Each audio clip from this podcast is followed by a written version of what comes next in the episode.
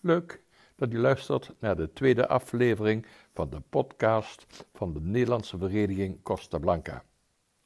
Ook al spreken wij in mondje Spaans, toch wordt soms ervaren in het buitenland te wonen. De Spaanse cultuur, de gebruiken en de regeltjes zijn ondanks dat wij in één Europa wonen, toch ietsjes pietjes anders. Met een 90-jarige, heel fitte dame aan de boulevard van Altea vierden wij op zaterdag nog haar verjaardag. Ze is nog een goede bridgespeelster en heeft haar leven nog goed voor elkaar. Chapeau.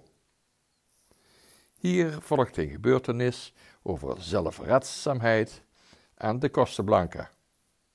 Dinsdag zou zij weer een bridge druif spelen.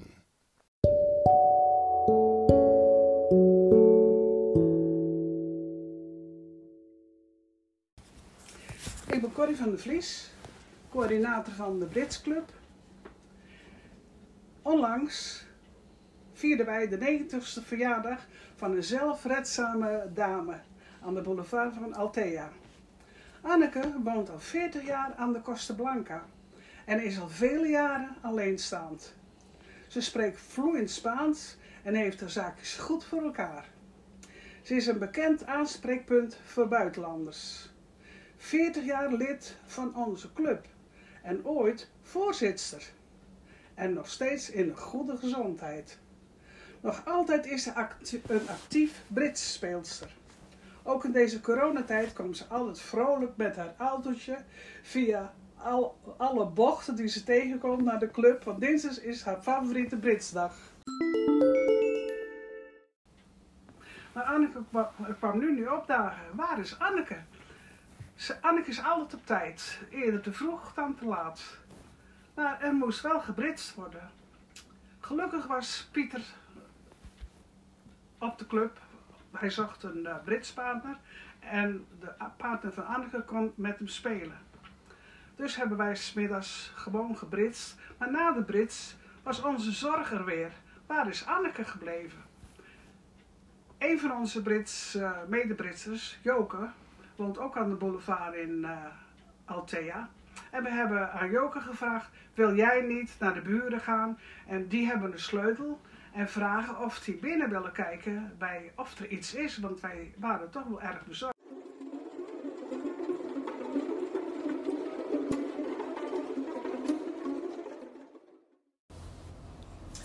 verontrust dat ik was, ben ik uh, gelijk naar de Brits met John, mijn partner, naar, het, naar de buren van Anneke gegaan. En uh, ook zij hadden Anneke al drie dagen niet gezien en niet gehoord. Wij konden het appartement binnen met de sleutel van de buren en uh, wij vonden wat paparazzen, de mobiele telefoon, de autosleutels, notitieboekje, paspoort. Voor de zekerheid hebben we ook nog de garage gecontroleerd. Haar auto was, was er. En uh, we hebben ook nog het ziekenhuis in Villa Goyassa gebeld. Of er misschien een Anneke carrière CISO was opgenomen.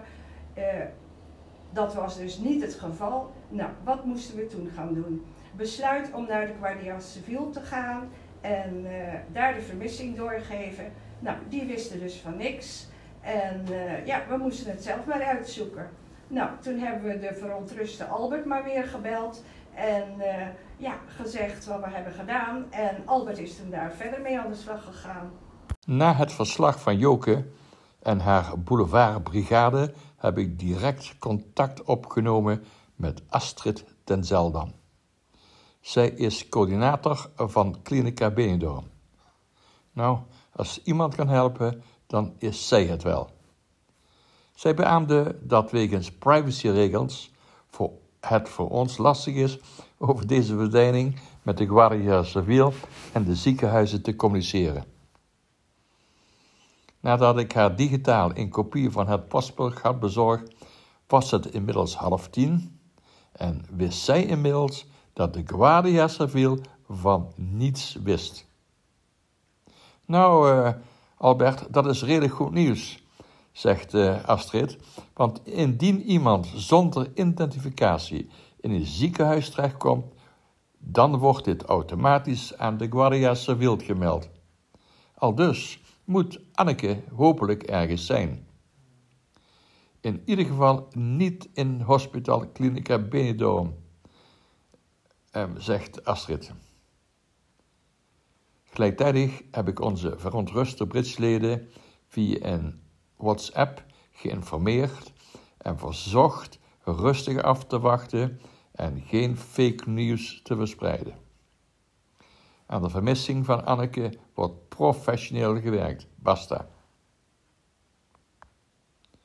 Woensdag, het is half elf, komt het verlossende bericht van Astrid. Albert, ze ligt in het hospitaal IMED 428a. Maar let op, je kan geen contact nemen met het IMED vanwege privacyregels en haar zoon moet iemand autoriseren die met de artsen kan praten. Ofwel, Anneke moet zelf in staat zijn dit aan te geven.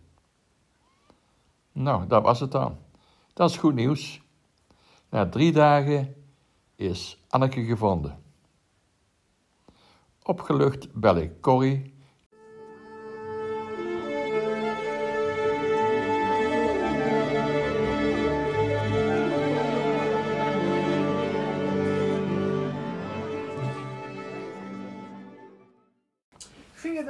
Hoorde ik dat eh, Anneke terecht was. En dat ze in het IMED ziekenhuis eh, ligt en dat ze op kamer 428. Ik kwam vlakbij het IMED ziekenhuis, dus ik ben eigenlijk gelijk in de auto eh, gestapt en ben naar naartoe gegaan. Ik kwam de kamer binnen en ik weet, wist niet wat ik zag. Er lag een, een klein vrouwtje, bont en blauw, een grote bloederige schram op de schaafwand op de voorhoofd, bloed aan de vingers, de arm helemaal ingezwaggeld, een been ingezwaggeld.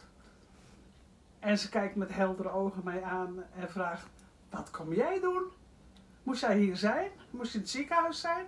Ik zei: Nee, Anneke, ik kom naar jou kijken. Hoe weet je dat dan dat ik hier lig? Ik zei: Nou, dat heb ik gehoord via de WhatsApp.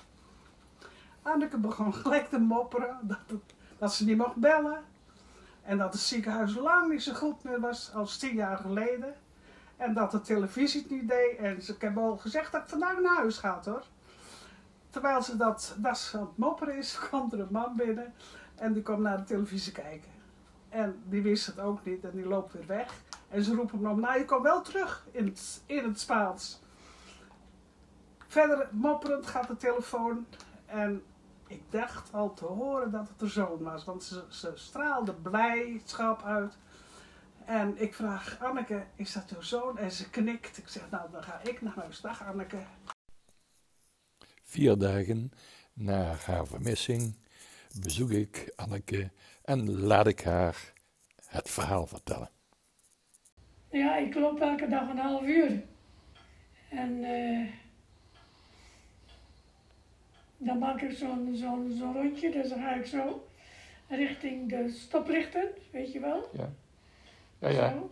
Dan ga je dan langs die, langs die parkeerplaats waar die auto zit. eh, en dan stap ik over. En dan kom ik aan de andere kant terug. ja. Nou, en toen ik overstapte, toen ben ik even van de sokken gereden.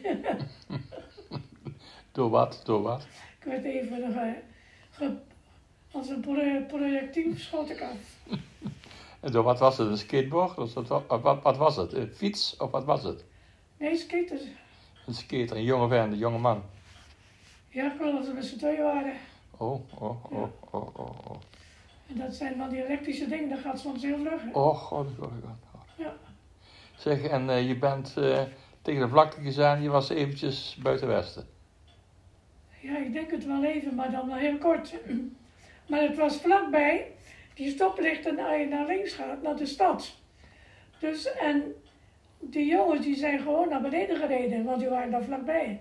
Die hebben het misschien niet eens gemerkt. Zo. Je weet het niet. Maar goed, en toen is de ambulance gekomen of wat? Nee, toen lag ik op de grond daar en toen liep daar een man.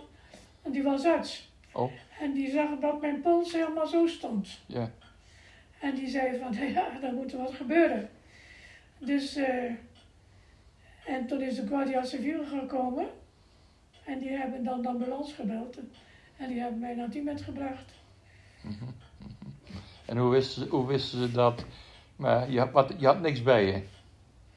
Nou, gelukkig, want meestal heb ik een korthand nek met twee sleutels. Ja. Een sleutel dat je binnenkomt en een sleutel dat je de... Maar ik had aan mijn, En je ring? aan, mijn- aan, mijn- ja, aan mijn ringen had ik een ring. En daar hing een sleutel aan, maar ook eh, van, van de thuiszorg. Oh, oké, oké, oké, oké. Gelukkig, want toen konden ze me traceren. Ja, ja, ja, maar dat wel, ja, ja, ja. Ja, ja, ja. want Maar- anders hadden ze nou helemaal niet geweten wie ik was. Nee, nee, nee, nee, dat was al helemaal een ramp. Eh, maar ja, dat maakt eh, de, de onrust bij de achterblijvers natuurlijk heel groot. Hè? Ja, natuurlijk. Ja, Ja. want, eh, want Ja, en toen is mijn buurvrouw die is naar de Guardia Civil gegaan. En die zeiden dat ze van niks wisten. ja, ik weet. Toen zagen ze het natuurlijk, want, want die pols die zag, die zag er zo uit. Die zagen Ja, ja. helemaal... Dus toen hebben ze allerlei foto's van me genomen. Ja, ja. En toen hebben ze me weggedrukt en eh, ze hebben me helemaal... eh Anders het was geen plaatsverdoving, maar de totale verdoving. Aha. Dus weet ik helemaal niks meer van. Ja, ze hebben je ook niet in een scan gelegd. In machines. Ja, ze kennen ook allerlei tax noemen ze dat dan. Oh ja, taxi. Ja. Je bent Ja. al die dure machines gegaan. Ja, ja, ja, Ja. daar moet natuurlijk ook geld komen, hè. dat kun je zeggen. Maar ja, Het is natuurlijk een particulier ziekenhuis, dus eh, hè, kassa. kassa. En jij maar roepen, ik heb alleen maar mijn pols gebroken. dus je was een beetje ontevreden. Dus. Nee, maar ik was ook een scheurtje in mijn knie. Oh, oh, oh, oh. Dus ik werd zo als het ware gelanceerd, hoor. Ja, ja, kan, wat ja, ja, beste Anneke, je bent... Want als je gewoon valt, dan kun je er niet zo uitzien als dat ik eruit. Nee, maar Anneke, je bent een lichtgewicht met 49, ki- 49 kilo, hè? Ja, het klopt toch, hè? Of ben je inmiddels 46 kilo? Nee, ik woog eh 48, Zo. maar nu denk ik dat er wel een kilo of drie afgehaald is. Want ik heb in het ziekenhuis niks gegeten. Zo, zo, zo. Het was niet te vreten. Het was koud en niet te vreten. Oh, oh, ja, terwijl het besef dat je dus eh, lekker eten had. Ja, ja. ja. Nee, maar nu heb ik het zo dat ik eh, eh, elke dag komen ze van, van, van hier, Las Coronas komen ze mee te brengen. Ja, heeft net verteld, ik moest tegen jou zeggen dus dat het eten je vermaarde liefstuk weer eraan kwam. Dat was lekker. Ja, maar toen gebeurde het. Dus Astrid, die belde op een gegeven moment op. Die zei, nou, eh, we hebben haar gevonden, ze ligt op IMED. Overigens, zelfs met de autoriteit van, eh van Clinica Benidorm kwam ze ook niet zomaar aan informatie. Want dat duurde het mocht niet. En toen heeft ze via een omweg, heeft ze van een kennis te horen gekregen dat je op IMED lag. Toen werd gevraagd, hoe is haar situatie? Daar mogen we geen informatie over geven. Moet je dat nagaan. Dus we wisten dat je daar was, maar we wisten wist- niet was. En toen kreeg ik flitsend een, eh, een WhatsApp, hoe goed dat WhatsApp toch is, aan, van ze ligt op kamer 442. Nou, toen heb ik, eh, Nee, 428. nou 428, ik weet het niet meer precies. Dat heb ik wel onthouden. Nou, prima, je bent daar goed op een testvraag. En toen heb ik dat onmiddellijk naar Corrie van der Vlies eh, doorgezeind, want die, vlo- die woont vlakbij. Ja, die is op bezoek geweest. Ja, die is onmiddellijk als een vliegende Hollandser, Ja. is die naar jou toegesneld Ja. en die is op jouw kamer gekomen. Weet je nog wat je tegen haar gezegd hebt? Oh, dat weet ik niet meer. Anneke, bedankt voor je relaas. Ik heb begrepen dat je komende dinsdag alweer wilt komen britsen. Nou, we gaan ons best doen. Maar ik heb ook een vraag aan jou. Kan jij eens de Guardia Civil bezoeken en vragen waarom jij niet vermist was? Want dat heeft toch voor heel veel onrust gezorgd. Dankjewel.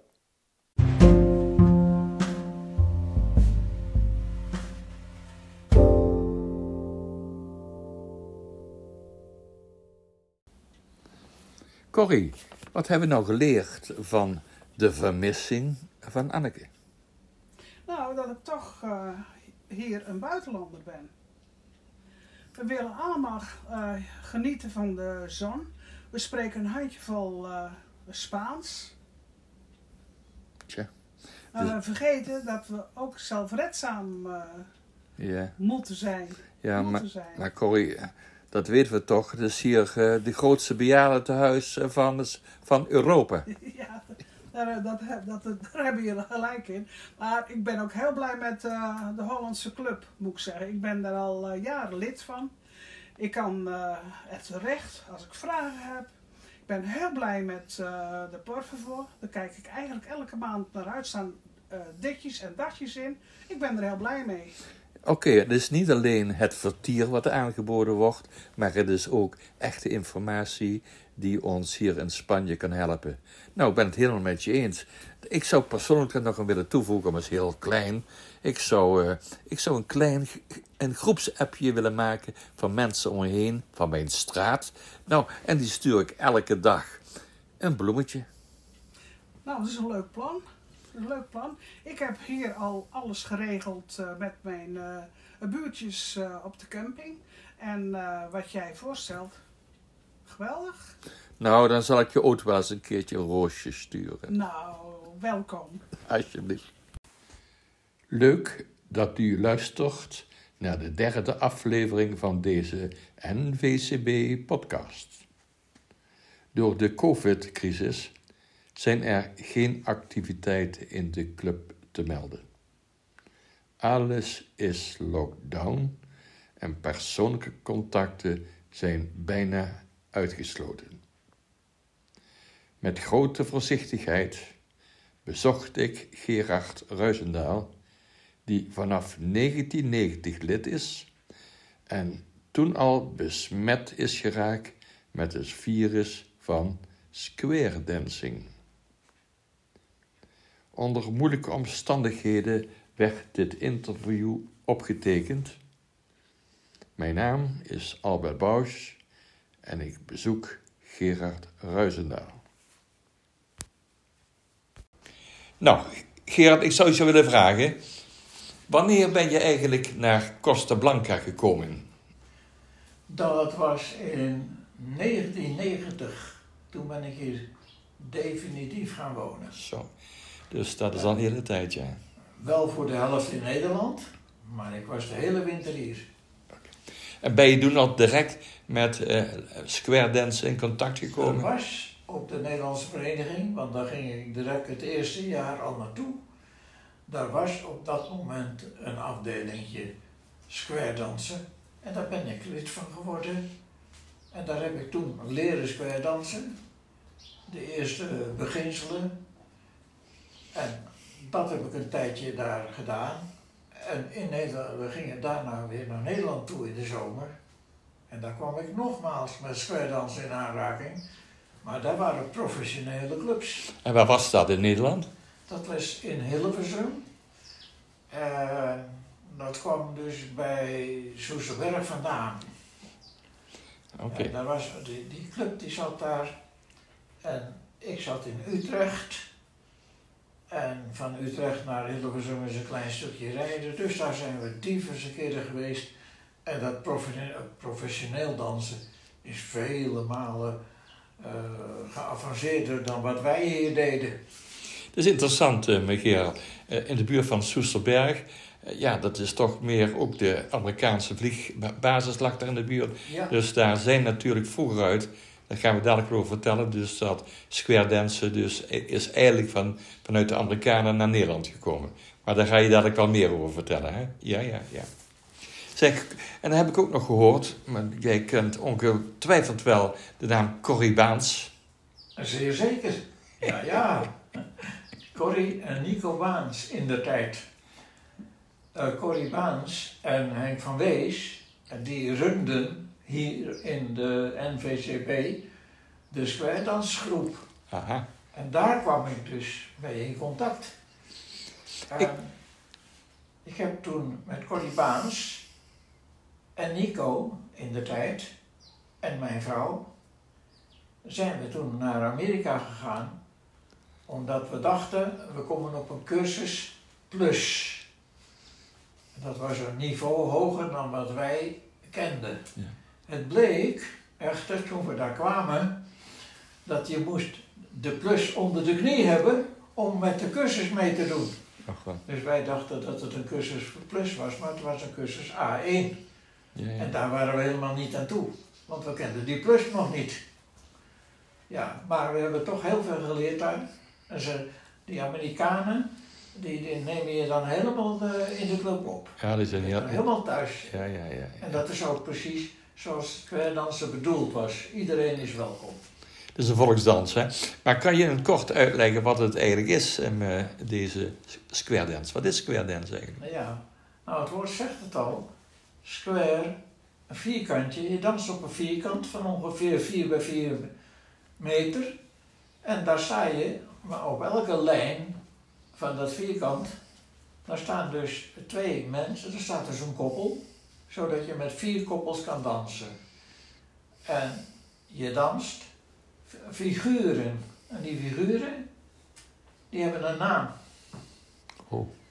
En die naam, die wordt door degene die de muziek zingt, wordt die naam steeds genoemd van de volgende figuur. Twee seconden dat er een figuur gedanst moet worden, wordt die door de koller, die, die zingt, die zingt het lied waar je, waar je op danst. Dat kan eh, country zijn, kan wat anders zijn.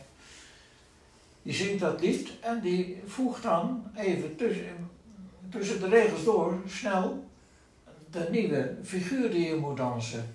Twee seconden voordat je die moet inzetten, die figuur. Het mooie is dan dat je mo- moet realiseren hoe is die figuur.